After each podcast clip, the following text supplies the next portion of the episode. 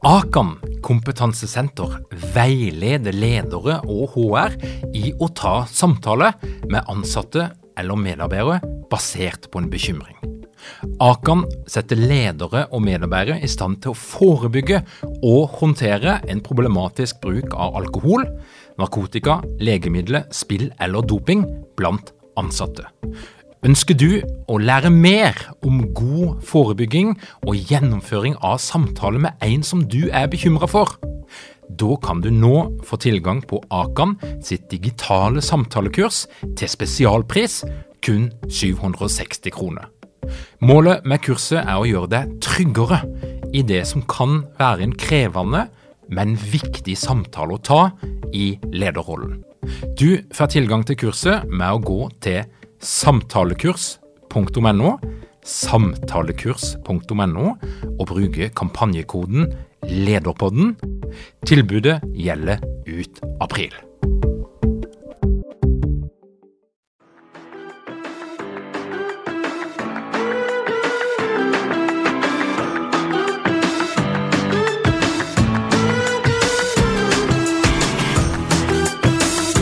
Velkommen til Lederpodden.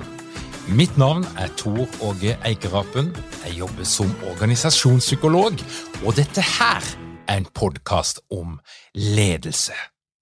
Har du vurdert å skaffe deg en mental trener for å tjene enda mer penger på aksjene dine? Da er du ikke alene. Ledelsesfeltet har i flere tiår vært et fagområde der mange ser til idretten og idrettens metode for å finne svar på hvordan de kan skape bedre prestasjoner.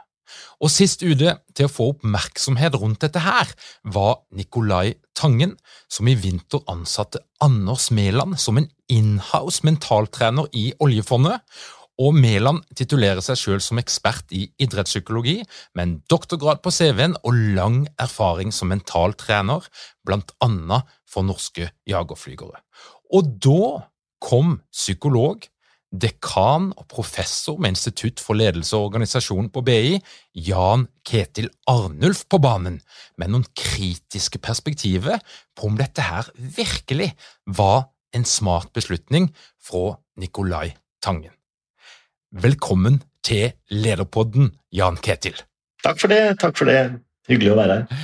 Du, fortell litt. Hva er ditt perspektiv på mental trening i næringslivet? Funker det, eller er det en bløff? Uh, jeg, det jeg tenker, er at det funker hvis du orker å ta uh, turen om en litt lengre diskusjon. Altså, poenget er det er et begrep som veldig fort låner seg ut til overspent magi. Så mental trening lyder jo veldig fort som noe du lærer på Galtvort høyere skole for magi, eh, og kan fort låne seg til den typen forhåpninger.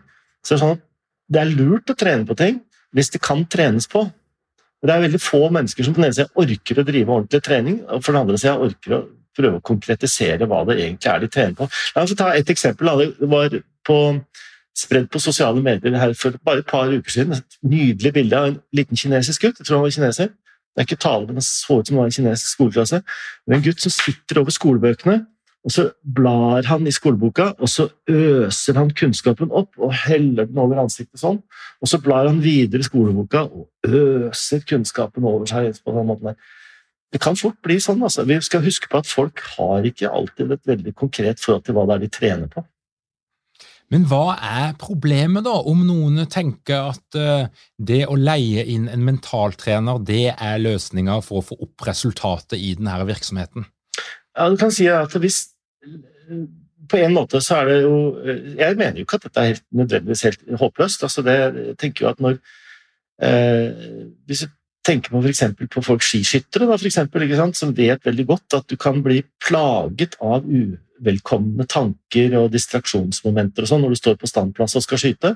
Idrettsutøvere som sier at du kan bli distrahert fra det tankene altså Vitsen er at du skal trene på å gjøre jobben din og trene tankene dine på å ikke miste fokus. ikke sant? Det kan du trene på. Spørsmålet er jo, eh, for det som var diskusjonen rundt f.eks. oljefondet, for å bruke det eksempelet, var jo spørsmålet om om vil den mentale innsatsen til folk som jobber i oljefondet, bedre oljefondets avkastning? Og akkurat den forbindelsen har jeg til gode å se. Da. Og Det er fordi at um, det er og dette er jo i faglitteraturen, og jeg støtter meg her på mine gode venner professorene i finans uh, rundt meg på skolen. Uh, de sier at det er jo det er bare å åpne forskningslitteraturen. Det er jo ingen som vet hva som er spesielt lurt i aksjemarkedene. Altså det å skulle slå indeksen altså Oljefondet har en mulighet til å slå indeksen i den forstand at de er så tungt inne overalt at det de gjør, får en signaleffekt. og Sånn sett så spiller det kanskje en rolle hva de gjør.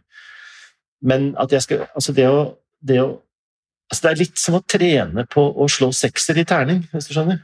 Datteren min gjorde det da hun var liten. Hun skulle, kjøre inn i barnehagen. Så satt hun om morgenen så kjørte hun, kasta en masse terninger. Og så spurte jeg øver du på å slå yatzy, eller øver du på å spille yatzy, eller spiller du yatzy med deg selv, var vel egentlig spørsmålet jeg stilte. Så sier du nei, jeg øver meg på å slå seksere. Og Der ser du den mentale kortslutningen da, som det er fort gjort å gjøre. og det er at Du kan ikke øve deg på en atferd som i bunn og grunn er utsatt til mekanismer omkring flaks og uflaks.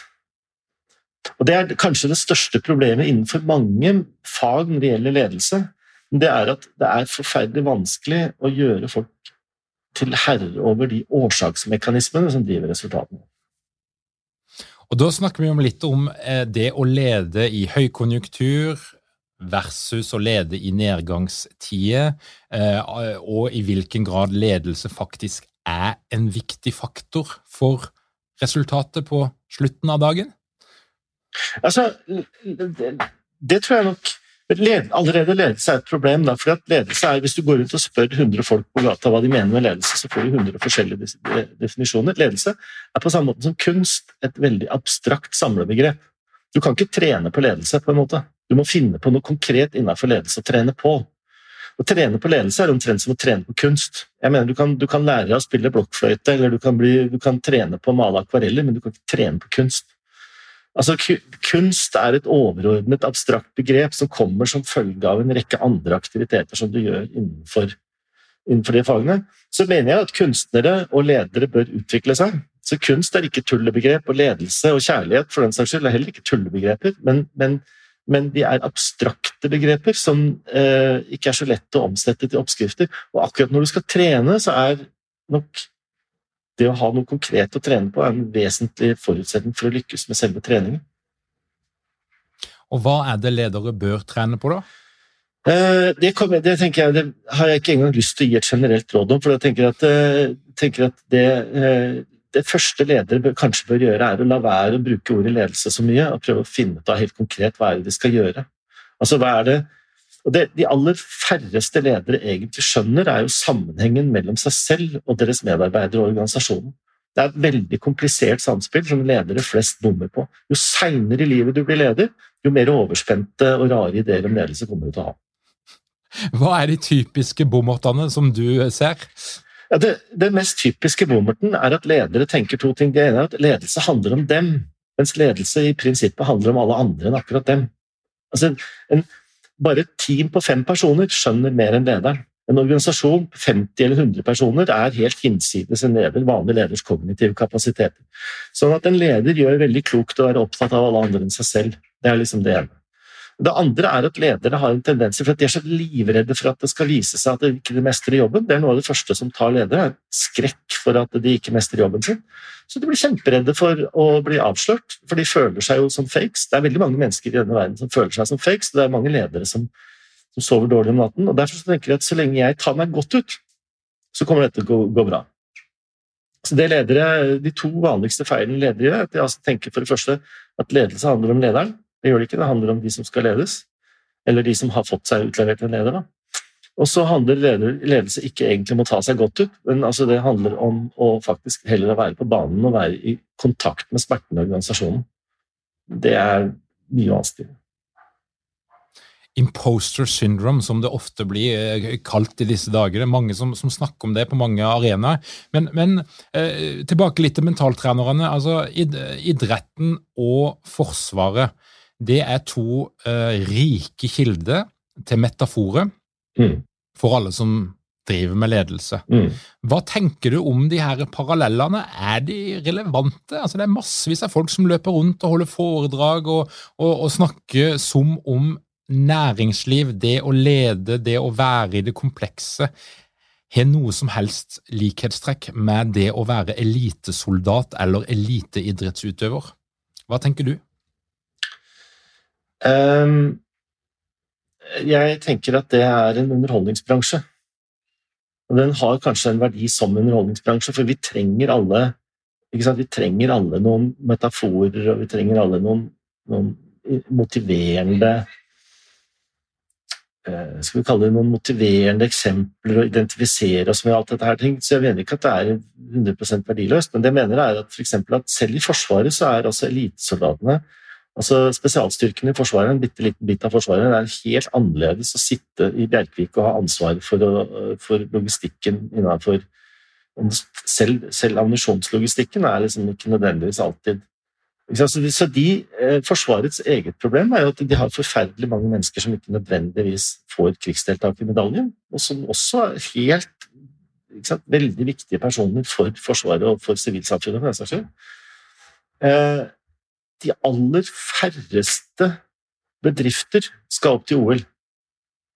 De aller fleste av oss skal holde ut i ganske mange år i, eh, i stillinger, og når vi bikker 55, så skal vi altså egentlig stå i hvert fall i 15 år til eller i hvert fall 55, da, du skal stå i hvert fall ti år til da, i en jobb hvor du ikke har noen framtidsutsikter, for da er du egentlig etter, etter statistikken blitt uh, eldre arbeidstaker, om vi trenger økende deltakelse av folk som ikke har sjanse til å få seg en annen jobb.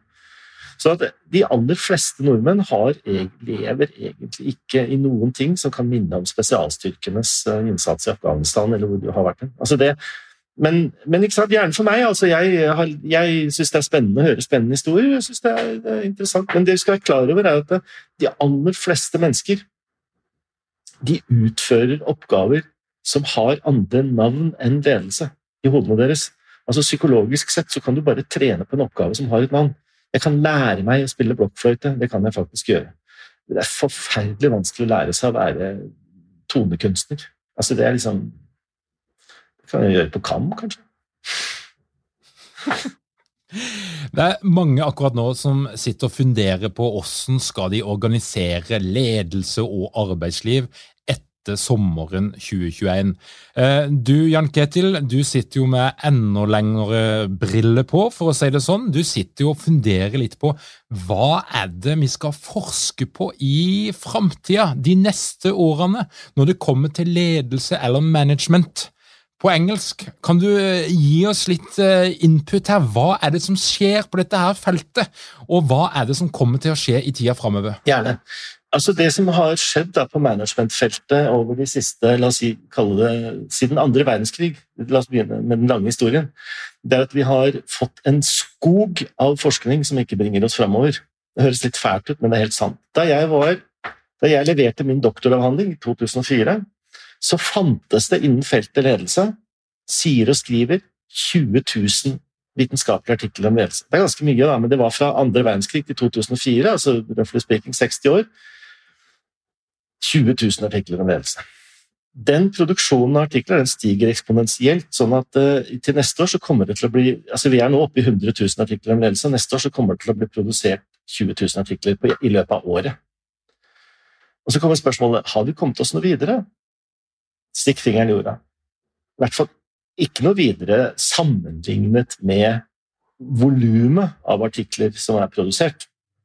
Så det, det, for, for, at dette skal kunne komme seg videre det, det, gjelder for øvrig ikke bare ledelse, det gjelder altså strategi, finans altså veldig mange av i det hele tatt, altså både sosialvitenskap generelt og selvfølgelig økonomiadministrative fag. Og en del av problemet er at vi har ikke egentlig et godt vitenskapelig forhold til hva vi holder på med. Altså, vi bare produserer forskning for å være med på i en stafett, da, for, å være, for, å ha publisert noe eller være med i en sånn, strøm av produksjoner. Det fins selvfølgelig kritiske stemmer, men det som jeg tror kommer til å endre dette dramatisk i årene som kommer, er datamaskinen. Er, vi har nemlig funnet opp datamaskinen, og foreløpig har vi egentlig bare brukt den til tekstbehandling og litt kalkyler. men i de neste årene som kommer, så kommer vi til å få eh, et stort innslag av bruk av kunstig intelligens, eller for å si det enklere, maskinlæring og stordatautdrag, som kommer til å forandre på måten vi tenker ut organisasjoner på. Det har jeg egentlig litt lyst til å snakke om. Og det skal du få lov til. Kjør på. Hva kommer til å skje? Noe av det første som vi eh, antagelig eh, er nødt til å innse, er at veldig mange av de fagene som vi bruker, og de ordene vi bruker for å beskrive organisasjoner, de er oppfinnelser. Så bare ta det ordet vi starta opp med, ledelse. Det er, det er, et ord vi har funnet opp. Hvis jeg spør folk, jeg har nettopp hatt en sånn samling med internasjonale dataingeniører, jeg spør hvor lenge har det eksistert ledelse, så svarer folk alltid. Men det er ikke sant, det. Jeg, er involvert i forskning rundt dette, her, og ledelse for eksempel, er et ord Ledelse lederutvikling er et ord folk fant på i Norge på 50-tallet. Lederutvikling ble knesatt av staten, Forsvaret og eh, næringslivets hovedsorg, eller den gangen Arbeidsgiverforeningen, i 1968. Tenk på det. Altså, vi har ikke drevet med ledelse profesjonelt som en profesjonell aktivitet lenger inn i 30-40 år, kanskje. Og sånn at Ledelse er ord vi har funnet på. Motivasjon er på samme måte. Det er ord vi finner på. Og Det som er litt interessant, da eh, så Du er jo sørlending, Tor Åge. I henhold til mine, til mine fordommer om sørlendinger, så har du båt. Det er helt riktig. Du har båt. Og noen ganger så mister du landet av syne. Det er helt riktig. Ja. Og da har vi, Dette har jo mennesker oppdaga sjøl, selvfølgelig. Sånn at for å hjelpe oss når vi mister landet av syne og ikke veit hvor vi skal, så har vi jo menneskene vi har funnet på et system med lengdegrader og breddegrader. De lengdegradene og breddegradene de er ikke der. Ikke du, kan, du, ser dem ikke på havet, men hvis du har en klokke og en sekstant, eller i dag GPS, så kan du finne dem. Og Poenget med lengdegradene og breddegradene var at de gjorde, det er konstruksjoner, det er sosiale, eller matematiske, men også sosiale konstruksjoner som gjorde det mulig for sjøoffiserer å finne ut av hvor de var hen når de mista landet av syne. Organisasjoner er noe vi har funnet opp. Og Det vi også har funnet opp sammen med organisasjonene, er sånne ting som regnskapsmanualer. altså Vi har regnskapsposter, regnskapsstandarder, budsjetter, finansregnskap osv. Og, så sånn. og så skal vi finne eh, måter å manøvrere på for å sørge for at vi bruker ressursene på en optimal måte for å skape verdier. Og det du kan se er at Veldig mange av de begrepene som vi bruker, da, som motivasjon og ledelse og gud vet, altså masse sånne begreper, det er ord som vi har funnet på for å manøvrere en organisasjon i et fiktivt økonomisk hav. Vi har funnet på alt sammen. Vi er ikke på vei til å forske på hvor Nordpolen er. eller noe sånt. Altså, er, altså, vi har funnet på organisasjoner, og det interessante er at vi fortsetter å finne på organisasjoner. Altså, hele den der omstillingsdiskusjonen og hele diskusjonen omkring endringsledelse er jo eh, evig aktuell, fordi at organisasjoner er verktøy som vi finner på, og i likhet med skrutrekkere og mobiltelefoner så finner vi på nye teknolo organisatoriske teknologier hele tida. Det som jeg tror kommer til å skje, er at vår måte å forstå organisasjoner på, den kommer til å bli mye mer dataavhengig i fremtiden enn det er nå. Og det gjør at vi kommer til å få eh, et tungt begrepsskifte for å forstå hva det vil si eh, å drive organisasjoner. Eh, og jeg tror det som kommer til å skje i, i løpet av ja, de neste ti årene, at vi kommer til å få en dramatisk dreining i hvordan vi skal skjønne organisasjoner, basert på de dataverktøyene som vi har til vår disposisjon. Og hvilke data er det da som blir sentrale? Ja, jeg kan ta et et, et kort eksempel. Altså um, For eksempel altså, bruker vi jo spørreskjemaer mye i, i, organisasjoner. Vi prøver å kartlegge verden. Det var en gang eh, når jeg tok doktoravhandlingen min for øvrig, da, i 2005, så leverte jeg en artikkel om det der, hvor eh, det ble diskutert liksom, hva er vitsen med å måle organisasjoner. Jo, vitsen med å måle organisasjoner var noe vi kalte for at vi skulle ha lead indicators, altså ledeindikator, istedenfor baklengsindikator. For hvis du måler ting eh, basert på fortiden, som er regnskapene, så sa økonomen også at det er, som å, det er som å styre etter kjølvannet. Det som har skjedd økonomisk, det har skjedd. Hvis vi er interessert i fremtidige resultater, så må vi ha noe som forteller oss om vi er på vei dit. Så der har det jo vært lansert haugevis av indikatorer og måleskjemaer som er på vei rundt omkring i verden. Og man forsker og man forsker og man måler og man måler. Eh, og har utviklet massevis av statistiske modeller for hvordan disse organisasjonsmålingene skal si oss noe om framtida. Der har det skjedd to ting, da. Det ene er eh, Jeg skal ikke gå i detalj på det nå, men jeg har jo vært med på å undersøke hvorvidt disse målingene sier noe om framtida, og det gjør de i all regel ikke. Det vil si at mesteparten av disse organisasjonsmålingene er basert på dyre løfter fra, eh, fra velkledde menn i dress. Um, som Spetalen sa, så er det kjennetegnet på svindlere. Altså de, de, gir ikke ledende indikatorer. Altså det er bare, dette er en institusjonalisert praksis som vi gjør fordi andre gjør det. Det andre som kanskje er enda mer interessant, er at vi kan nå bruke uh, algoritmer til å gjette på resultatene av spørreskjemaer før de foreligger. Og det har jeg brukt de siste ti åra av min forskning på å gjøre. Så jeg er med på en gruppe med forskere som bruker algoritmer til å forutse resultatene av spørreskjemaer før de foreligger, og det har vi blitt ganske gode på. Kan det f.eks. være en arbeidsmiljøundersøkelse?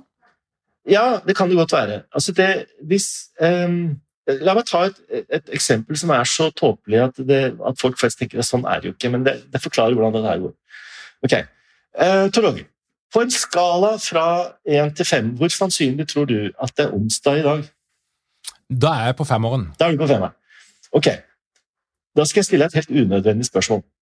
På en skala fra én til fem, hvor sannsynlig tror du det er at det er torsdag i morgen? Jeg er på samme sted. Ikke sant? Og det vet jo jeg, fordi utsagnet 'det er torsdag i morgen' betyr det samme som at det er onsdag i dag. Er du med på det? Mm. Så dette er en sammenheng som finnes i språket fra før av. Og uh, disse språkalgoritmene som vi har nå, de skjønner også når det der begynner å bli litt mer komplisert. Så skjønner de det. Og veldig mange av de spørreskjemaene som vi deler ut, vi vet jo ikke om folk har skjønt at det er onsdag i dag eller ikke. Det, det kan vi ikke vite.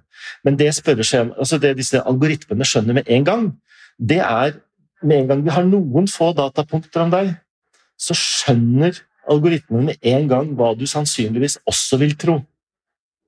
Og Det betyr at dine synspunkter, basert på noen små datapunkter, er egentlig veldig lett forutsigbare. Dette har vært misbrukt i massevis. Altså de, kan si at Forskningen har jo kommet seint på banen her. De som virkelig har misbrukt dette er grovt, det er jo Facebook og, eh, Facebook og Twitter og, og, Google og Amazon og alle de store data. For de vet Hvis du eh, liker eller bruker tid på én ting på internett, så kan de regne seg fram til hva du ellers vil bruke tid på. Og Fram til nå så har det ikke vært sånn kjempepresist, men det er i ferd med å bli stadig mer presist. Så språkalgoritmene de er i ferd med å kunne kartlegge eh, systematisk hva slags verdensoppfatninger medarbeidere har, uten at de behøver å svare på spørreskjemaer. Og hva skal ledere bruke dette? Jeg tenker til, til, flere ting, da, men en av de tingene vi skal bruke det til, er å slutte å gjøre ting som datamaskinen kan gjøre mye mer meningsfylt for oss. Altså F.eks. tegne mer sammenhengende modeller basert på flere typer data. Det, eh, vi har kasta bort mye tid på å lære folk ting som de egentlig kommer veldig lite ut av. Eh, så En av de tingene som jeg tenker kommer til å komme ut av det på sikt, er at det kommer til å påvirke måten som vi forholder oss til tekst, og måten som vi forholder oss til begreper i arbeidslivet på. Men det tar litt tid å komme dit. altså Dette er en, dette er en tung dreining. Men som sagt så har de kommersielle aktørene de har kommet dit mye lenger enn oss. altså De har eh, disse store datafirmaene som det nå gjelder å få litt kontroll på sant, i økonomien, de har for lengst klart å lage systemer som forutsier eh, atferd og forutsier oppfatninger og så videre, sånn, på måter som er egentlig skumle. Altså, det påvirker alt fra velgeratferd til konsumatferd til eh, nettverksoppbygging og sånn. Så jeg tror at disse teknikkene her de kommer til å komme inn i praktisk ledelsesarbeid eh, så det suser. Eh. Er det ikke mange ledere uten trening eller utdannelse innen ledelse? Mangler ikke en felles kultur og praksis for ledelse? Ønsker du å være bedre rusta for fremtidig vekst og endring? Da kan et internt lederutviklingsprogram være en god investering.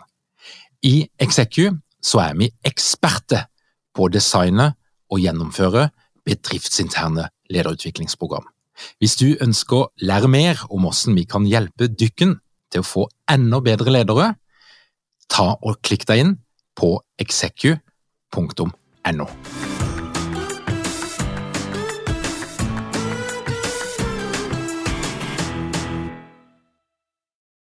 Kanskje ikke pga. Uh, sånne raringer som meg, men kanskje mest pga. at uh, teknologiene er så allment tilgjengelig uh, nå i, i, digitale sammenhenger, altså i, i kommersielt. Og, og, hvis vi skal på en måte prøve liksom å konkretisere altså, Er dette her noe som er Er det de store selskapene vi snakker om? Er det konsernene?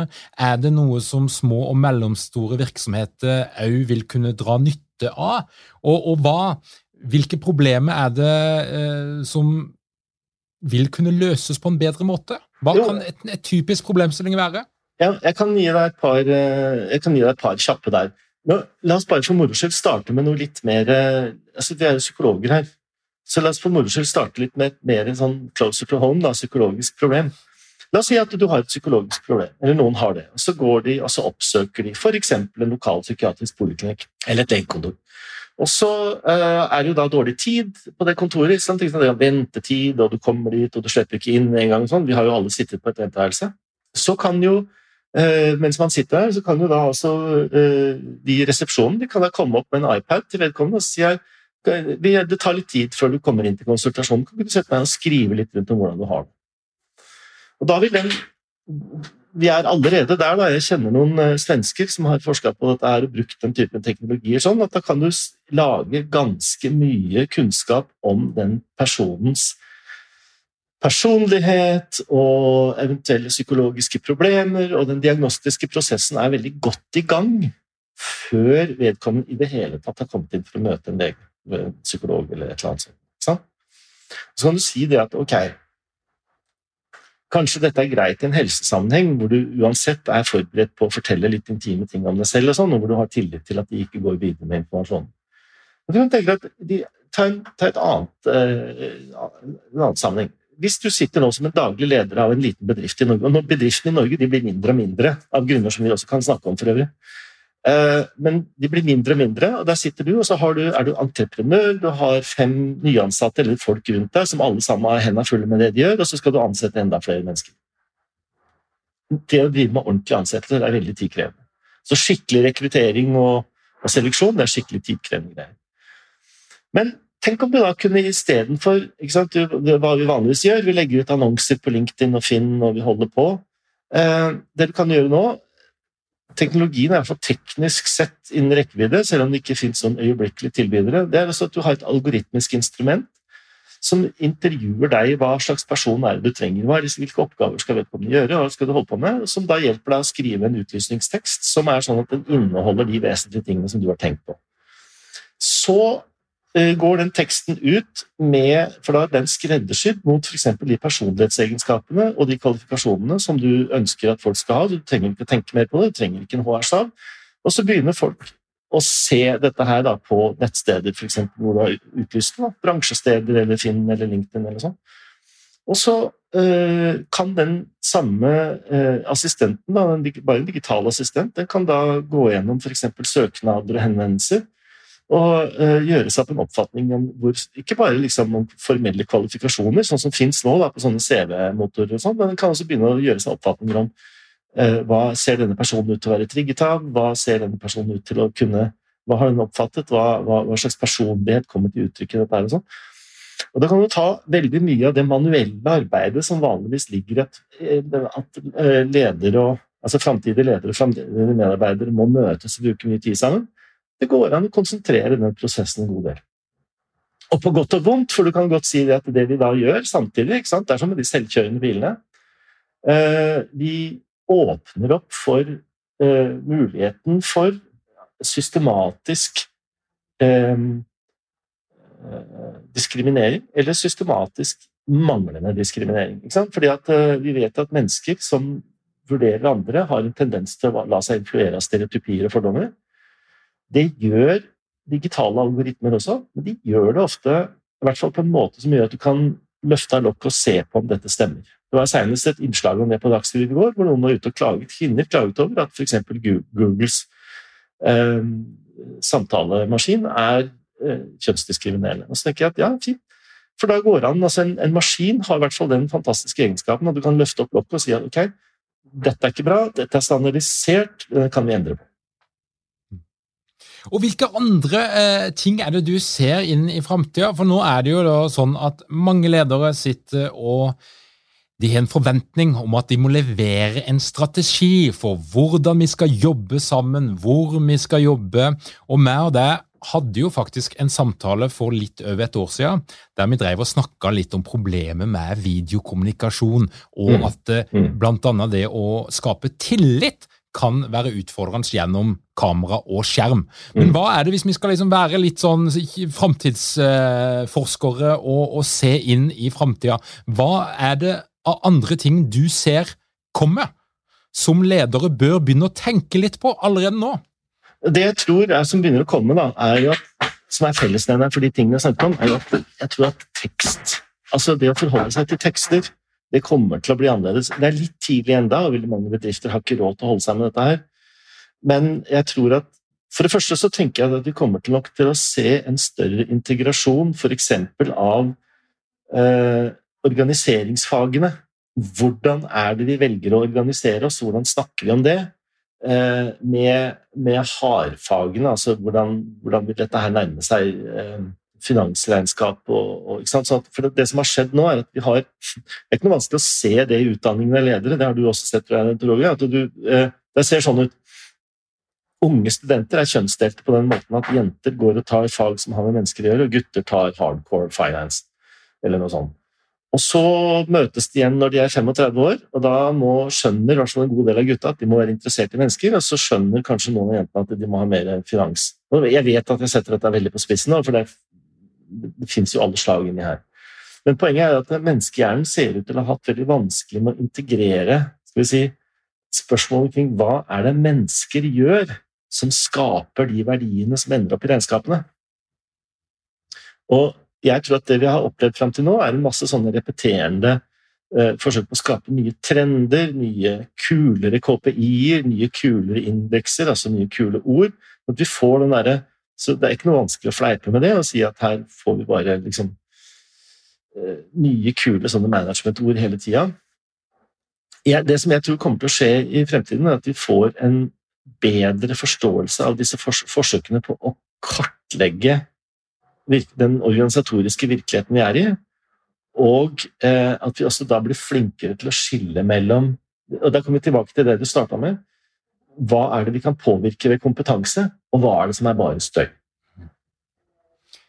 Og Dette her er jo kult, for det er min opplevelse at det er veldig mye av det en holder på med innenfor lederutvikling, HR, kulturarbeid, det baserer seg jo på en antagelse om at det lønner seg, en antagelse om at det gjør oss bedre på en eller annen måte. Men eh, min erfaring er jo at den linken, den dokumentasjonen, den utregninga, den foreligger jo nesten aldri. Nei. Det er av et av de store mysteriene. Og det er ikke fordi at ingen har prøvd å gjøre det, men det er et av de store mysteriene. Du har f.eks. masse beregningsmodeller som ingen orker å fylle ut når det gjelder effekten av lederutvikling. Eksempel. Virker lederutvikling? Så har du et annet domene som jeg har jobba ganske mye med. det er Spørsmålet hjelper å bytte ut ledere. Det er ingen som vet det, men de gjør det jo. Sparke fotballtrenere og administrerende direktører og sånn. Vi aner jo ikke om det funker. Eh, vi regna jo på det med fotballtreneren og fant ut at det ville lønt seg bedre å ikke sparke ham, ikke sant? Altså når vi skal følge tallene. Ehm, så det jeg tror som kommer til å skje altså det er, det er eh, La meg gå et lite skritt tilbake til det med mentaltrenere og effekter og organisasjoner. Eh, Nobelprisvinneren Daniel Kahneman og hans avdøde kollega Tversky de har jo klart for en stund siden på en veldig god måte å vise at det finnes to typer scenarioer å være profesjonell i. Du kan kalle det for Noen scenarioer er fulle av støy. Der er du egentlig en gambler. En, si et, en rulett, ikke sant? eller og kronomynt. Det er en ren gambling. Det er ingen som vet hvis du spiller rettferdig, hvilken vei mynten kommer til å falle. Så du kan, du kan egentlig ikke slå eh, Og på, på, sikt så kan du ikke slå mynt og kron med kompetanse. Det er egentlig det som er greia. I mange sammenhenger så er det ikke klart for deltakerne at dette ikke er sånn. Da utvikler de det som kalles for spilla, en, en sånn spillermentalitet. og Det er troen på at jeg har noen hemmelige triks som gjør at jeg kan påvirke terningen eller rulettbordet eller aksjemarkedet. Men det fins faktisk scenarioer der vi kan påvirke. Det var det, det en sånn kontrovers som Kahnmann hadde med en fyr som het Klein. og det er klart at Når en erfaren brannmann kommer inn i et hus som brenner, så vil en erfaren brannmann kunne fange opp informasjon. Fordi det er noe til felles i branner som gjør at en erfaren brannmann skjønner mer enn en nybegynner hva det er lurt og ikke lurt å gå inn i. Sånn at det fins det du kan kalle for strukturerte og halvstrukturerte sammenhenger hvor kompetanse virker. Og så fins det eh, tilnærma hvit støy hvor kompetanse spiller en veldig liten rolle. Dette har vi ikke, egentlig ikke hatt et veldig profesjonelt forhold til når det gjelder beslutninger, men jeg tror da som sagt at bruken av større beregningsmodeller og, og effekten av big data og, og, si, algoritmiserte beslutningsmetoder, det tvinger fram at beslutningstakerne er nødt til å skjønne mer av forskjellen på hva kan vi forutsi og ta kontroll på, og kan vi ikke. Jeg skal gi deg, hvis, du, hvis jeg får tid, så kan jeg gi deg to eh, konkrete eksempler på hvorfor dette er viktig. Veldig mye av det som vi har drevet med som lederutvikling, mener jeg er effektivt, men det hjelper bare litt. Det er ikke dårlig. Altså, det å hjelpe litt er ganske bra. Og det er ved å trene ledere på samarbeid, så vet vi at en organisasjon som samarbeider bedre, er mindre utsatt for støy enn en organisasjon hvor ledere samarbeider dårlig. Og så tenker jeg at I virkelighetens verden så er det sånn at alle samarbeider dårlig. Vi gjør det alle sammen. Du og jeg, Tor Åge, vi sleit jo med å finne avtalen her. ikke sant? Litt misforståelse. litt dit. Altså, organisasjoner er ikke datamaskiner. Altså, de, alle organisasjoner har friksjon. De har det. Det vil si at hvis du kan bedre samarbeidsklima og tilliten og, og felleskompetanse i en organisasjon, så er det alltid en ressurs.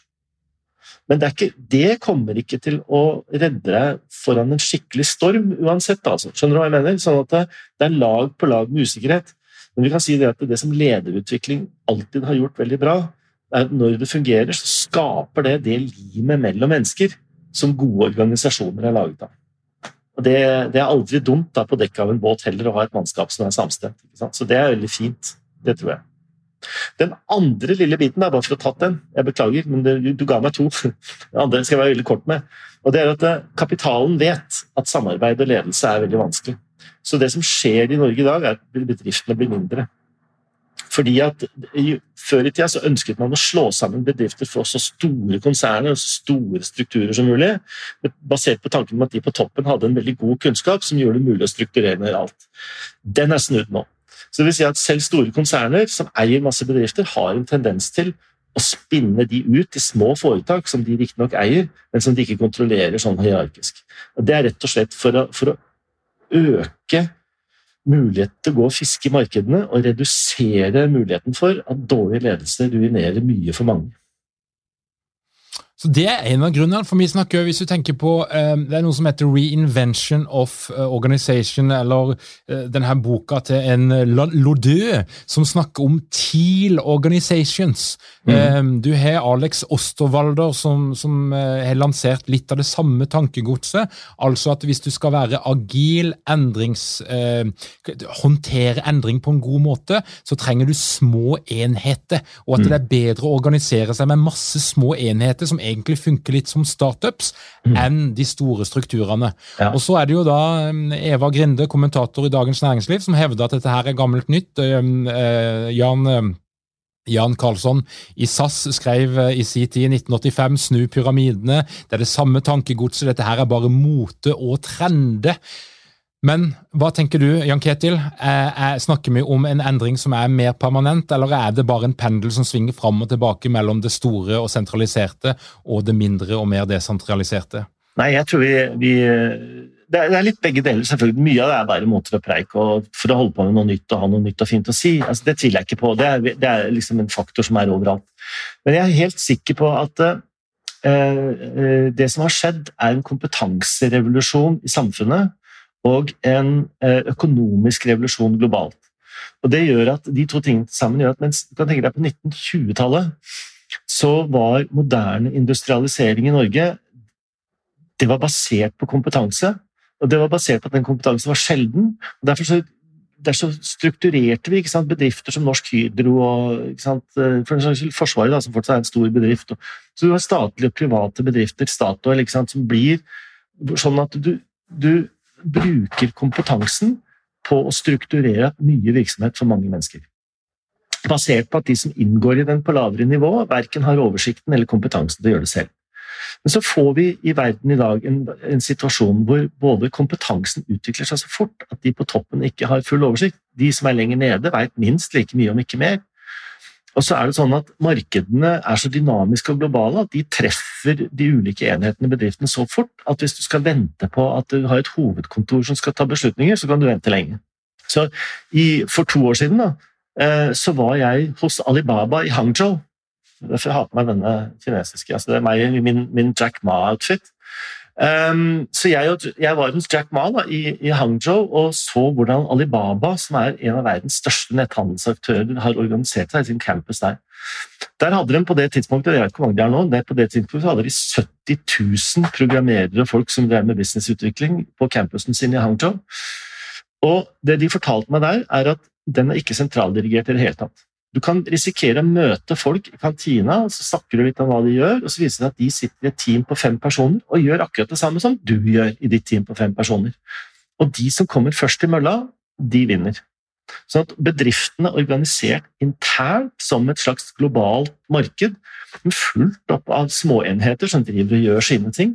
Og det er, ikke, det er, en, det er en visshet om at de på toppen kommer ikke til å vite hvem som går av med seieren først det, de, det de tenker istedenfor, og dette tror jeg er egentlig en ganske ny tanke, egentlig, det er at de har en såkalt porteføljetankegang rundt prosjektene de driver med.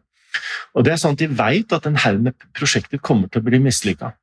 Husk at to tredjedeler av alle store omstillingsprosesser er mislykket. I alle bedrifter. Dette har vært velkjent i årevis. Så hvis du regner med det, så må du lage heller en massevis av ulike prosjekter. Regn med at to tredjedeler av dem er enten mislykka eller ikke tilfører noe nytt. Og at den siste tredjedelen må være så vellykket at suksessen fra de bedriftene dekker inn det du taper på alle de som er mislykka. Det er en sann porteføljetankegang, og den tror jeg den driver og setter seg sammen altså settes i virksomhet i en haug med bransjer rundt omkring i verden. Så det fins i dag mange ledere på selskaper høyt oppe som vet at hvis noen hos oss får en god idé, så kan det være at noe av det dummeste vi gjør, er at vi prøver å gjøre det inhouse. Kanskje det smarteste vi gjør, er å ta de som hadde den ideen, og si fint, her er en pose penger. Kom tilbake når du har funnet på noe lurt. Ikke la oss ødelegge for det. Og Hvilket teoretisk rammeverk henger dette her på? For jeg opplever at Nå begynner det å bli liksom vanskelig å få oversikt. Altså, Vi snakka tidligere om lean, vi snakker om agile metoder å organisere seg på. Uh, reinventing Organization snakker om TEAL Organizations. Men, men, er det et teoretisk rammeverk på dette her, eller er det det lappeteppet av ulike teorier og praksiser som, som bare finner hverandre? Ja, ja, du kan si at teoretisk sett så er det jo um, Det fins jo uh, klare teorier rundt dette her. altså Kanskje noe av de enkleste teoriene du kan legge vekt på, er kompleksitetsteori. og sier det at uh, Du kan bruke både James March og um, uh, altså, Står det stille for meg i huet. altså Det, det fins innenfor kompleksitetsteori altså Axelrod var det navnet jeg lette etter. altså Det fins teorier som jeg og mange andre har undervist om når det gjelder dette her lenge. Men jeg tror det som, det som er vesentlig å se, er at disse ideene om pyramidal ledelse de bygger på en stabilitet og en skjevhet i fordeling av kompetanse som ikke holder lenger. Og når du ser på hvordan eh, når du ser på hvordan f.eks. deler av samfunnet ellers er eh, organisert, så kan du si det at, for at et av problemene som Forsvaret har, for eksempel, er at Forsvaret er forventet å skulle holde hus med sine ressurser på en veldig ansvarlig måte, og de forvalter en stor gruppe av veldig farlige våpen. Men både Forsvaret faktisk, og politiet, som har mye av den samme diskusjonen, de strever med å ha enheter som klarer å holde tritt med teknologiene i samfunnet. Eh, blant annet fordi at de er nødt til å forholde seg til disse pyramidalt styrte reformene som gjør at det blir fryktelig baktunge. Da. Hvis, eh, hvis f.eks. kriminaliteten eller eh, landets fiender blir veldig sånn uforutsigbare og nettverksorienterte og raske dynamikken, så vil jo våre forsvarsplaner og våre politiorganisasjonsformer være lite agile da, på samme måte. Så disse tankene de finnes jo eh, i mange andre deler av samfunnet. La oss ta et, et, fenomen til som jeg synes er ganske morsomt, som pandemien avdekket. Og Det er jo det at eh, det viste seg i Norge at vi har en kolossal kunst- og kulturbransje. Den led hardt under pandemien og tok lang tid for kulturministeren for, altså for å skjønne hvilken kolossal økonomi det er som finnes der ute. Ikke bare i alle disse som stiller opp i, i liksom Bit for bit på fredagen og er flinke til å synge og spille, men alle de forestillingene med eh, folk som har lydrigger, lysrigger, som er med på å lage eventer, som er med på å supportere filminnspillinger. Så det viser at det er en kjempeindustri under, under her. Og den er organisert veldig desentralisert, i motsetning til skal vi si, kommunale kunst- og kulturskoler og de store kulturhusene og liksom et annet symfoniorkester og sånn. Altså, vi har en svær kunst- og kulturbransje som, som poppa opp som et problem i det øyeblikket pandemien kom. Fordi at det, Hvis ikke den overlever, så kommer vi til å ha et svært hull i, i verdiproduksjonen vår. Og den er, altså Jeg vil ikke si den er helt autonom, men den er styrt av disse veldig autonome kreftene, der enkelte kunstnere og folk som er flinke med ting, de kan ta med seg den kunnskapen, så de produserer, lage produksjonsselskap og leve på det ganske lenge. Og Noen vil kalle det for eh, prekariatet, eh, som jo er en litt annen diskusjon. Ja, det er et morsomt ord, da. Det vil jeg si. ja, det er det. Det er det. Men, eh, men, det er et veldig godt eksempel, og det er morsomt at du sier det. For det er jo da en, en eh, dynamikk, en form for agilitet, eh, men som òg gjør enkeltpersoner veldig sårbare. Men det skal vi spare til en ny episode. Jan Ketil, tusen hjertelig takk for at du ble med i Lederpodden. Det ser ut som du er på vei til å tune inn mot sommerferie. Jeg håper du er det. Og uansett om du da skal være på Sørlandet eller i Ås, så ønsker jeg deg en veldig god sommer. Tusen hjertelig takk, og lykke til på sjøen, Tor Åge. Lykke til. Takk skal du ha. Takk. Ha det bra. Ha det. Hei. Hei, hei. Takk for at du hører på Lederpodden. Hvis du ønsker å få med deg alt det vi holder på med, meld deg på vårt nyhetsbrev. Det gjør du på lederpodden.no No. Og hvis du etter denne samtalen fremdeles har trua på lederutvikling, og òg den digitale, så er vårt lederprogram, Lederprogrammet, åpent for påmelding. Eh, og vi starter altså 7.9. Det er helt digitalt, og det er tolv uker. Og du finner alt du trenger å vite på lederprogrammet.no. Da gjenstår det bare å si takk for at du hører på Lederpodden. Jeg ønsker deg ei veldig god uke.